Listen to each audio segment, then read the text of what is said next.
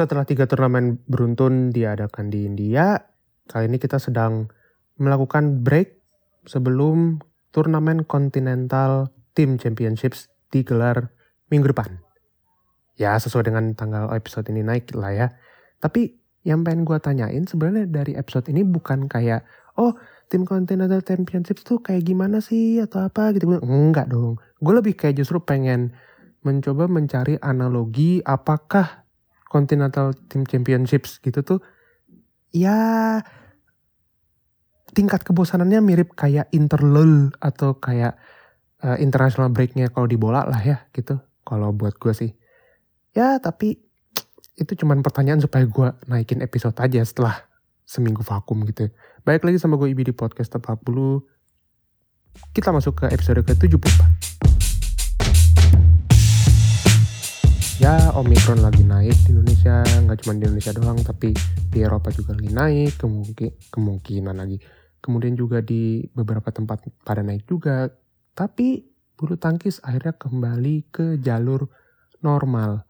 Ish lah ya kurang lebih karena di awal Januari atau di awal tahun udah diadain juga turnamen pada akhirnya. Setelah sebelumnya di 2021 pun bulu tangkis masih belum tahu mau ngapain mau ngadain turnamen apa gitu.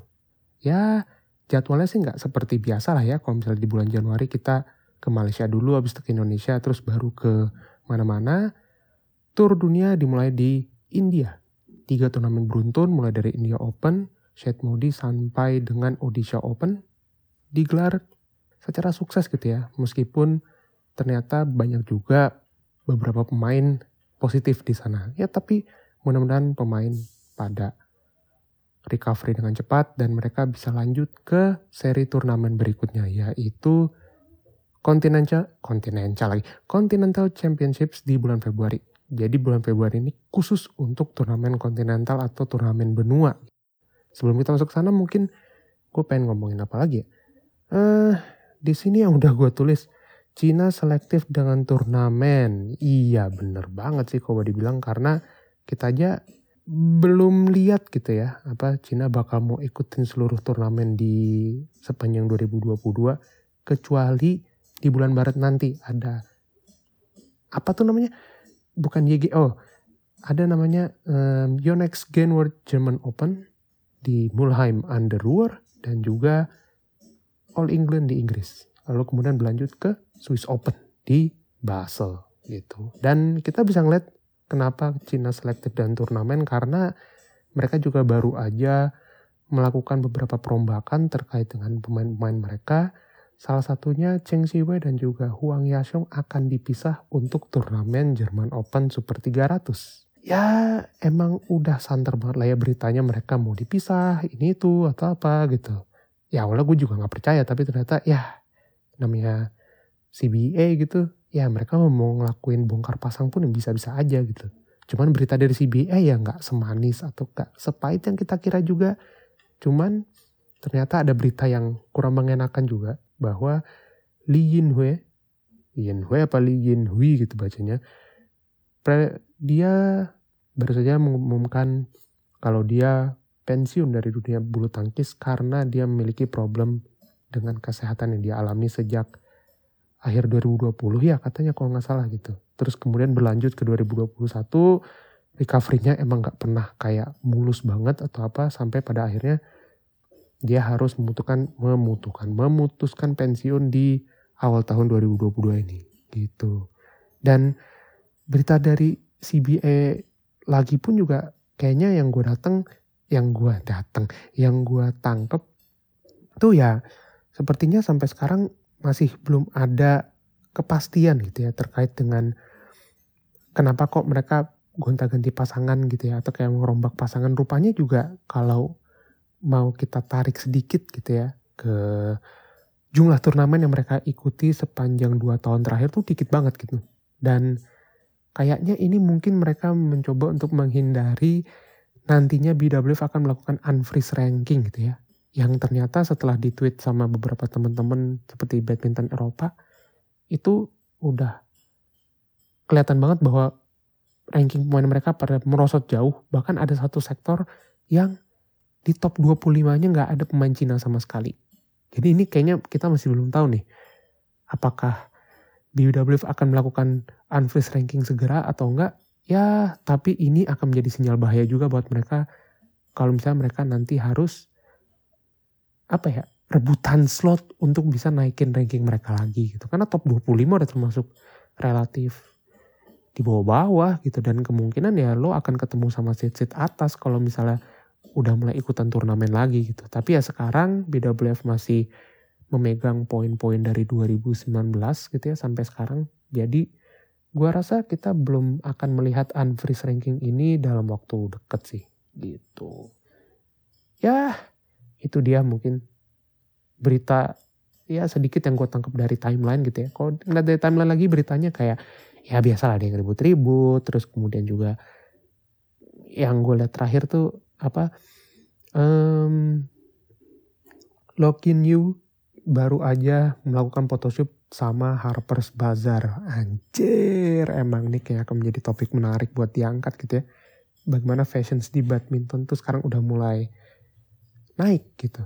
Kalau soal itu mudah-mudahan sih kita jadi lebih stylish dikit lah gitu, mirip-mirip tenis atau apa.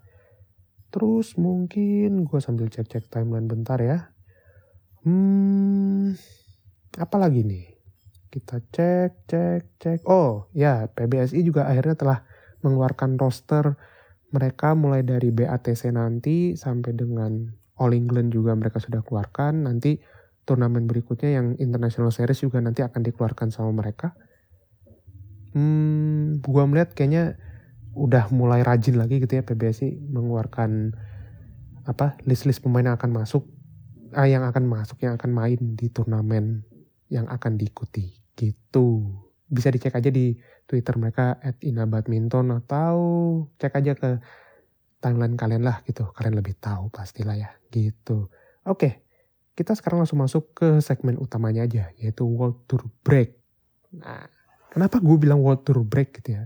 Ya sebenarnya sih biar kayak gue bisa masang thumbnail Katla atau wordle gitu loh gitu kan break break berak berak apalagi tuh enak tuh ngelihatnya kan hmm, tapi gue menganggap BATC kemudian juga turnamen tim championships kayak macam Thomas Cup lalu Asian Games itu adalah salah satu world tour world bleh, world tour break di bulu tangkis lah gitu. Ya gue melihat apa ya di bulu tangkis ini sebenarnya setiap setiap turnamen tuh ya gengsinya kurang lebih sama lah ya mirip lah ya gitu. Terutama turnamen-turnamen di Asia misalnya gitu. Tapi gue melihatnya tim championships atau yang region yang regional atau kontinental tuh terkadang nggak banyak juga orang yang bisa ngikutin gitu eh, terutama kayak BATC sih istilahnya karena apa ya sering kali turnamen-turnamen BATC justru nggak mudah mencari streamingannya gitu untuk bisa kita tonton. Kalau misalnya kita lihat kayak macam European Team Championships atau apa, kita nggak bisa nonton ya udah tinggal modal VPN lalu masuk ke badminton Europe.tv selesai. Turnamen lain seperti yang di Oceania mungkin tidak punya layanan streaming atau apa ya. Jadi kayak itu emang udah kesulitan sendiri. Atau kayak misalnya untuk Pan, Pan Amerika masih ada yang nayangin cuman biasa lewat Facebook gitu. Kalau badminton Asia kayaknya agak sulit gitu. Karena mereka punya exclusive rights itu dan hak siar tentunya. Apalagi untuk badminton Asia sering kali ya emang orang menganggap turnamen yang kontinentalnya lebih bergengsi ketimbang turnamen internasionalnya. Kayak misal kejuaraan dunia atau apa. Karena melihatnya bahwa oh semua bukan semua 80% sampai 90% kekuatan utama badminton yang ada di satu benua ini gitu. Jadi ya mirip-mirip kayak kalau inilah ya kalau misalnya ada Euro gitu, bukan Piala Euro kan yang main Eropa dan Eropa kayaknya kan lebih merata gitu apa pembagian kekuatannya. Jadi ya sebenarnya ini gue lebih melihatnya kayak oh breaknya kalau untuk kita yang ngikutin badminton Asia kayaknya masih bisa dinikmatin gitu ya. Tapi kalau Eropa kadang kita melihat masih melihat dominasi Denmark gitu ya di kedua sektor.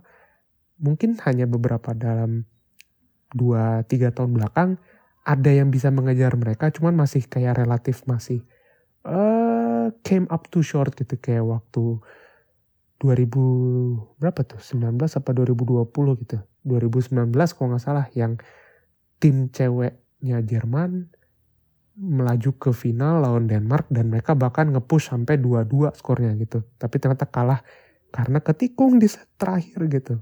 Itu juga bisa gitu.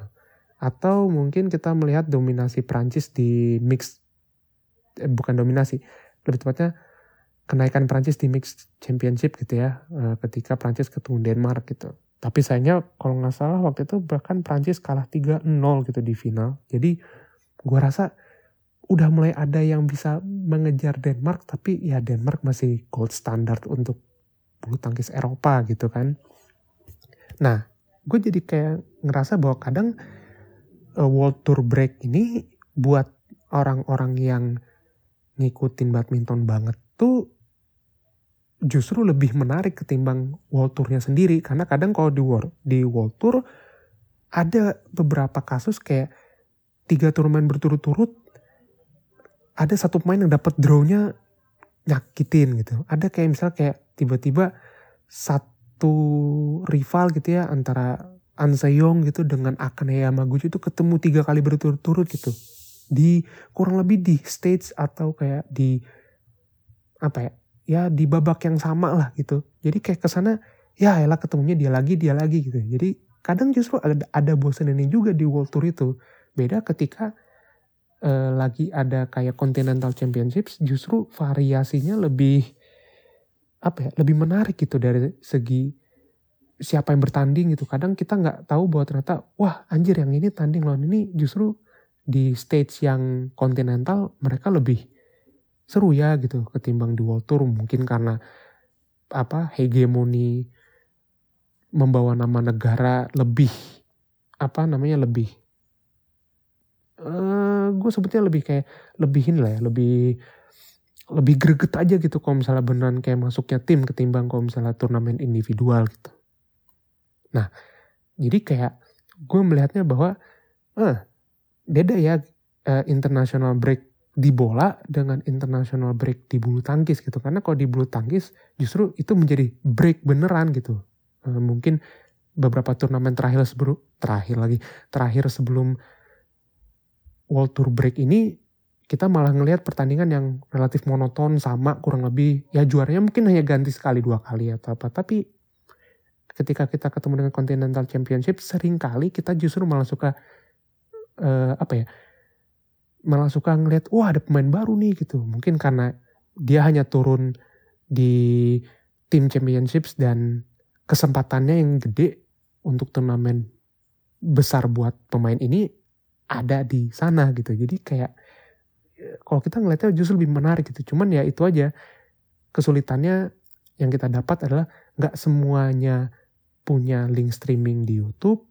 Kalaupun ada streaming di website, biasanya kadang butuh VPN. Jadi itu suka apa ya menjadi satu masalah kalau ternyata ya apa lagi nggak ada world ya gitu. Jadi kayak orang terkadang bosen karena ya aksesnya susah atau apa gitu. Itu bisa dimaklumi juga sih gitu.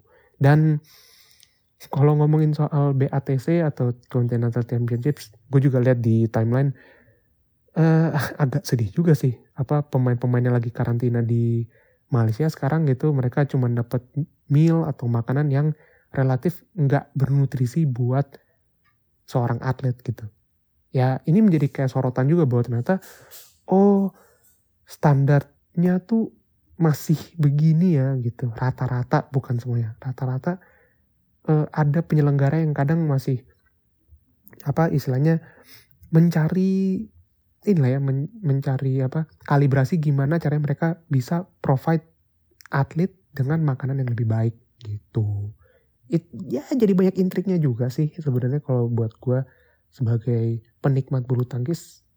Tapi balik lagi sih gue gue mungkin harus beradaptasi lagi bahwa ternyata akan ada Continental Championship setelah 2 tahun tuh vakum kurang lebih. Oh enggak deh, 2020 enggak. Kok nggak salah yang waktu di Filipina masih ada turnamennya. Cuma di 2021 skip gitu. Ya itu aja sih mungkin yang bisa gue omongin buat episode hari ini gitu. Terkait dengan break di World Tour yang nanti akan dilanjutkan lagi di bulan Maret. Terima kasih buat teman-teman yang sudah mendengarkan podcast Tepak Bulu pada hari ini. Kita ketemu lagi di episode selanjutnya. Gue Bicabut. Peace.